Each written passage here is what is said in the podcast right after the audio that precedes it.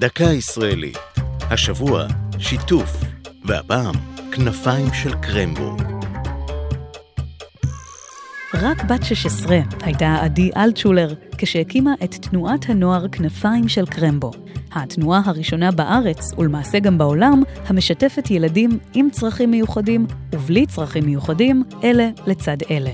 השם הייחודי לתנועה נבחר כסמל לאופן אריזת המאכל הישראלי החורפי. ממש כפי שעוטפים את הקרמבו בכיסוי האלומיניום אחד-אחד באופן ידני ובעדינות מרבית, כך עוטפת התנועה כל חניך. הכנפיים מסמלות רצון להתפתח, לגדול ולעוף. כנפיים של קרמבו פועלת משנת 2002. בעשרות סניפים ברחבי הארץ היא מאגדת אלפי בני נוער. כ-1,200 מהם לומדים בחינוך המיוחד.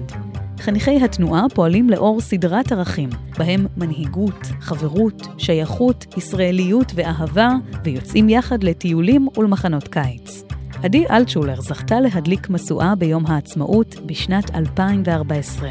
ובשנת 2018 קיבלה התנועה מעמד יועץ מיוחד של המועצה הכלכלית-חברתית של האו"ם, וזכתה להכרה בינלאומית למופת הייחודי שהיא פועלת בו. זו הייתה דקה ישראלית על שיתוף וכנפיים של קרמבו.